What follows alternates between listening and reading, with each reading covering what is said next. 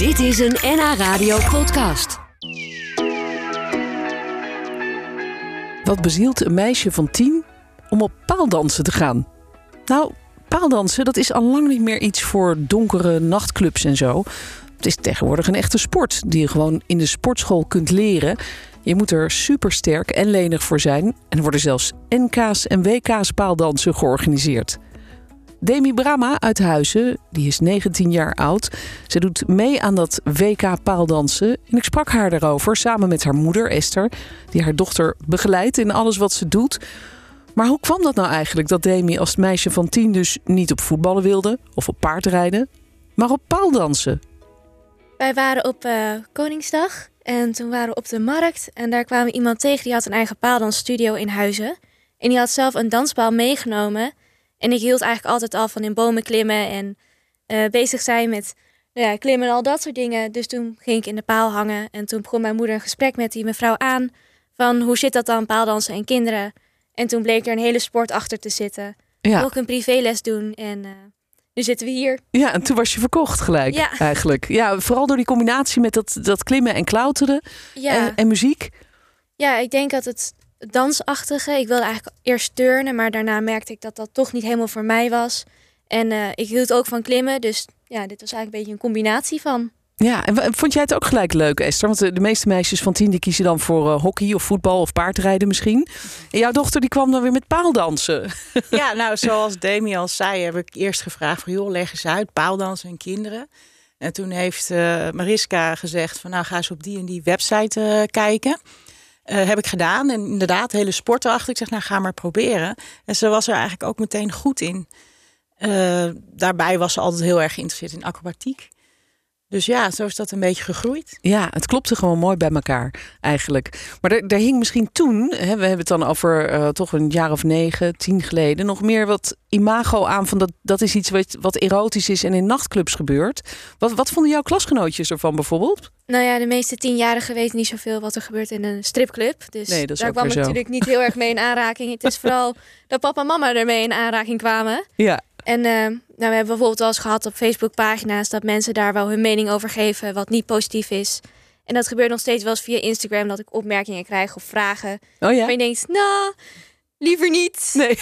dat, ja, die, uh, ja, het gebeurt nog wel eens. Ja, jammer eigenlijk, want het is echt een, uh, een serieuze sport geworden. Hè? Ja. Met, met NK's en WK's. Jij doet dus mee aan het WK. Klopt. Dat is heel spannend lijkt me. Uh, want dan, dan ga je met hoeveel landen eigenlijk? Hoeveel deelnemers uh, zijn er? Weet dat is een hele goede vraag.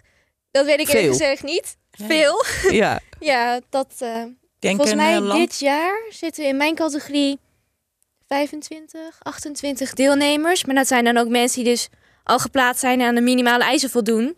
En los daarvan is dit jaar natuurlijk een minder leuk jaar, omdat we natuurlijk niet live naar het WK kunnen gaan. Ja, want leg eens uit hoe dat, hoe dat zit. Vanwege corona natuurlijk is het online. Maar hoe Ja. werkt dat dan? Uh, ga jij dan live uh, voor een uh, webcam? Of, of heb je al een film gemaakt? Of... Ik heb al een video gemaakt. Ik heb uh, in de zomervakantie mijn routine opgenomen. Aan specifieke regels voldoet. En uh, deze heb ik opgestuurd. En die gaan zij dus uitstreamen. En daar, daarna komen mijn punten bekend. Ja, en dan krijg ik mijn punten te horen. En dan gaan we dus kijken door al die video's te zien op welke plek ik ben geëindigd. Ja, ja, maar jij, jij ziet dan je concurrenten pas voor het eerst eigenlijk in die livestream. Ja, klopt. Ja. Ja, dat... ik heb ook nog helemaal niks gezien. Ik weet alleen wat ik zelf heb gedaan. Ja. En voor de rest is het natuurlijk één groot raadsel. Ja, dat lijkt me wel jammer eigenlijk, toch? Want de, de, de spanning van zo'n toernooi, als je elkaar allemaal ziet en, en de sfeer in zo'n hal, dat lijkt me ook wel juist een beetje ja, bijdragen inderdaad. aan zou, je... De sfeer is wel heel erg leuk en het is natuurlijk jammer dat het niet live is, maar het is beter dan niks. Weet je, in 2020 ja. hadden we helemaal niks. En dat was ook niet leuk. Nee, we hebben beter dit. Ja, heb je wel gewoon door kunnen trainen eigenlijk? Er waren natuurlijk veel sportverenigingen waren dicht. Ik heb door kunnen trainen omdat ik mijn eigen studio heb in Huizen. Aha. En uh, daar kan ik natuurlijk gewoon altijd in. Dus ja, ik heb doorgetraind. Ja. En, en, en jij begeleidt uh, Demi dus. Jij doet uh, choreografie, zei je net. En jouw vader die, die werkte ook mee, toch? Klopt. Mijn vader heeft uh, de officiële IPSF-cursussen gevolgd.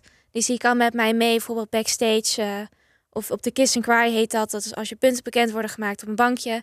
kan hij daarbij zijn. En dat kan mama niet, omdat zij niet officieel coach is. Oh, is dat zo? Je moet de papieren op Ja, orde je hebben? moet uh, cursussen hebben gedaan om official coach te worden. En dat is haar vader wel en ik niet. Nee, nee. Dus, dus jij bent de begeleider en hij is de coach, zullen we maar zo zeggen. Eigenlijk wel, ja. Ja, ja. En voorheen was ik natuurlijk uh, nog minderjarig, dus toen mocht mijn moeder altijd mee als chaperonne. Ja. Maar ja, nu ben ik uh, 19, dus ik kan niet meer. Nee, nee, jammer is dat, lijkt ja. me. Maar goed, nu is het toch even online, dat hele WK. Ja. Maar je zei de Kiss and Cry, heet dat zo? Ja, dat is een bankje, zet ze naast het podium neer. En als je dus je routine hebt gedaan, dan ga je daarheen en dan wacht je op je punten. Ach. En als het dus goed is, heb je kiss en anders is het kwaai. Oh. Dus uh, vandaar. en je hebt dus al wel eens op zo'n bankje gezeten in ja. het echt.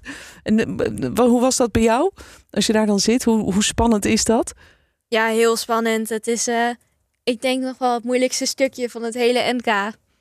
Dan, uh, Wachten ja. op je punten. Ja, dan heb je het gedaan en is het afwachten. Ja, en nu lijkt me zo raar dat je jouw, jouw uh, kuur of jouw routine, of hoe, hoe noem je het?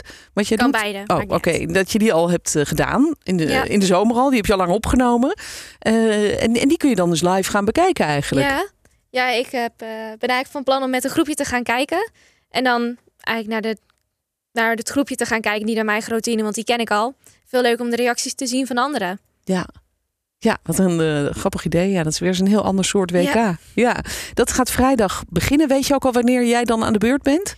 Um, er staat wel een planning online, maar er staan geen tijden bij. Dus uh, oh. ja, nou. ik ben ergens aan het einde. Ergens een vrijdagmiddag denk ik dan. Maar uh, ja. Of dat half vier is of dat zes uur is, dat weet ik niet. Nee, nou dat, uh, dat, dat ga je zien. En uh, we praten zo nog eventjes uh, verder. Want ja, ik vind het toch wel bijzonder. Je, je, bent gewoon echt heel serieus bezig met jouw sport. En ik denk, het is eigenlijk gewoon toch een echte topsport, hè? Zou je zelf ook denken? Ja. Ja, nou zo dadelijk horen we wat jij ervoor moet doen en laten. Dan uh, praat ik nog even verder met Demi en haar moeder Esther. En vanaf vrijdag is dus dat WK paaldansen. Kunnen wij eigenlijk ook meekijken? Ja, er komt een link online op de website van de IPSF, de Interna International Pole Sports Federation. En uh, als je die link inklikt, dan kan je be dat bekijken. Ja, Demi, jij bent bezig met een topsportcarrière in het paaldansen. Dat klopt. Ja, en, en aanstaande vrijdag doe je mee aan het WK. En dat doe je gewoon vanuit huis. Dat is natuurlijk heel gek. Maar dat is omdat jij jouw hele kuur al hebt opgenomen in de zomer. Uh, en dat, die, die wordt nu gestreamd. En, en dan gaat er een jury kijken hoe je het gedaan hebt eigenlijk. Ja, nou, mijn uh, video is eigenlijk al beoordeeld door de jury. Dus dat wordt niet live gedaan. Het is allemaal.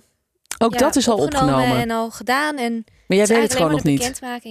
Ja, ik weet het niet. Nee. Oh, dus en dat is nog niet uitgelekt. Want dat kan ik me ook nog voorstellen. Dat... Nee. in ieder geval nog niet bij ons. nee. Nee, nou, dus dat wordt heel spannend. Is, is dat jouw eerste WK eigenlijk? Nee, dit is. De eerste keer was 2016 in Londen.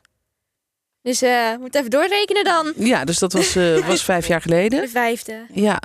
En hoe, hoe heb je het toen gedaan? Uh, de eerste keer dat ik meedeed, werd ik elfde. Dat was Zo. eigenlijk nog hoger dan we denk ik hadden verwacht. En toen heb ik ook een hele grote stap gemaakt. maar nu ga ik steeds meer naar de volgende leeftijdscategorie. Dus toen was ik novice. 10 tot en met 14. Ik ben nu junior geweest en nu ben ik voor het eerst senior woman. Dus sta je Dus, uh, misschien eigenlijk weer een beetje onderaan, uh, misschien, hè, qua ervaring. Ja, dat, dat zou je kunnen zeggen, ja, maar dat zien we dus pas vrijdag. Ja. Nou, dat, uh, dat wordt even een spannend moment. is het sowieso, je hoort natuurlijk wel eens van topsporters dat ze zeggen: het is, het is heel fijn om te doen en zo gefocust kunnen werken aan, uh, aan je lijf en aan, aan je sport waar je mee bezig bent. Maar het kan ook wel eens mentaal zwaar zijn. Um, en ook fysiek trouwens. Hoe, hoe ervaar jij dat? Ja, nee, ik merk inderdaad wel dat het mentaal voor mij best wel zwaar vindt. Ik denk dat dat ook uh, onervarenheid is. En dat dat door de jaren heen misschien wel beter wordt. Maar wat vind je dan zwaar? Hoe... De druk, verwachtingen. Um, ja, ik heb soms wel eens gehad dat mensen dan zeggen van... Oh, maar jij wint wel. En dan alsof ze dat concluderen al van tevoren. Mm. En dan denk ik, ja, ik moet het wel nog gaan doen. En ik ben ook een mens, weet je. Ik kan ook fouten maken. En dat maakt het toch best wel moeilijk als mensen een verwachtingspatroon zien in jou. Ja, ja dus die druk die voel jij ook. Ja. Hoe, hoe helpen jullie daarbij als ouders om, om dat wat makkelijker te maken voor haar? Ja, ik weet ik niet uh, hoe we daarmee uh, helpen. Ja, ik denk het gaat gewoon automatisch bij ons eigenlijk. Uh, ik denk dat we elkaar heel goed aanvullen. We hebben ook een hele goede band samen, dus Ja, Ik denk Ja. dat het automatisch gaat dat zij ziet wanneer ik het iets moeilijk vind en dan iets geruststellends zegt bijvoorbeeld. ja, je voelt er goed aan. En jullie zijn natuurlijk als, als team altijd of heel veel samen. Misschien meer dan andere moeders en dochters. Gaat dat altijd goed? Ja, Ja. Ja? we hebben best wel veel lol samen.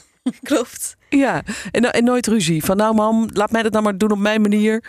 Nee, maar dat is ook omdat mama geeft me ook de ruimte om iets te doen op mijn eigen manier. En weet je, soms zeg ik gewoon van je zegt, dan zegt mama nou ik heb het zo ervaren. Ik zeg nou ik ga het toch anders doen, want ik, eh, ik snap niet waarom. Ik ga het gewoon zo doen en dan zien we wel of het fout gaat of niet fout gaat. Ja, en dat is ook goed. Ja. Ja, en, en hoe, hoe is dat eigenlijk als je bezig bent met zo'n wedstrijd? Waar, waar denk je dan aan en, en, en hoe, eh, hoe zit je daarin? Want je hoort wel eens dat voor topsporters die focus is natuurlijk het allerbelangrijkste. Dat je, dat je mentaal goed op het spoor zit van ik ga dit doen en ik kan het.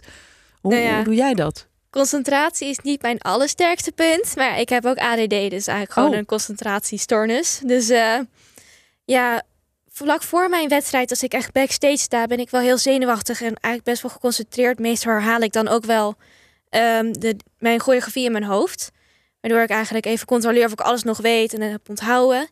En maar als ik op het podium ben en ik zit erin, de eerste 30 seconden, dan, dan gaat het automatisch. Dan hoef ik eigenlijk niet echt meer ergens over na te denken. Het enige wat ik doe is rondjes tellen. Ik denk, Oh ik heb ja? één rondje gedraaid, twee rondjes gedraaid. Ik ga de volgende move gaan doen. Nou ja, daar ben ik mee bezig. Dat klinkt als eh, heel relaxed eigenlijk. Op dat moment, Nee. als die zenuwen dus weg zijn. Men- mentaal gezien wel, maar fysiek ben ik dan ook nog bezig. Dus dat is dan niet heel ontspannen. Ja, want hoe, hoe zwaar is het fysiek? Ik bedoel, dat lijkt mij. Ik heb Nou. een filmpje gezien eh, van het eh, NK van eh, twee jaar geleden. Waar jij gewoon horizontaal tegen zo'n paal aanhangt. Ik begrijp gewoon niet hoe. Want we hebben toch de zwaartekracht. Ja, het is heel zwaar inderdaad. En de zwaartekracht helpt niet mee.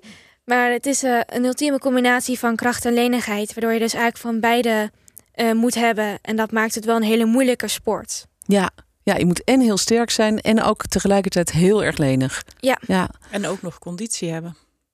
Zo'n choreografie duurt vier minuten. Dus je moet ook nog wel inderdaad conditie hebben. Je houdt Ja. niet zomaar even je adem in. Nee, nee, ik snap het ja. Nou, eh, we zijn heel benieuwd hoe je het gaat doen op het eh, WK aanstaande vrijdag. Eh, wa- wat ga je daarna doen? Want je, was een paar jaar geleden ook al eens bij ons. Eh, toen was je natuurlijk nog wat jonger en eh, toen eh, zat je ook voor allemaal spannende wedstrijden. En toen vertelde je dat je eigenlijk een soort droom hebt dat je ooit bij Cirque du Soleil zou willen werken als Dat klopt. acrobaat. Is dat nog steeds een droom voor jou? Ja, ik zou nog steeds bij Cirque du Soleil willen werken. Alleen ik denk dat door corona dat niet echt gaat gebeuren in de nabije toekomst. Ehm, maar als dat wij spreken over vier of vijf jaar gebeurt, dan is dat ook goed. En ben ik nog steeds jong. Ja, dat is absoluut zo. Goed, nou laten we hopen dat dat ooit lukt. Dank dat je hier was. eh, Demi en ook Esther. Jullie eh, gaan eh, vrijdag een spannende dag hebben. Ik hoop dat, dat je op de, de, de kis op de bank komt en niet op de cry thuis.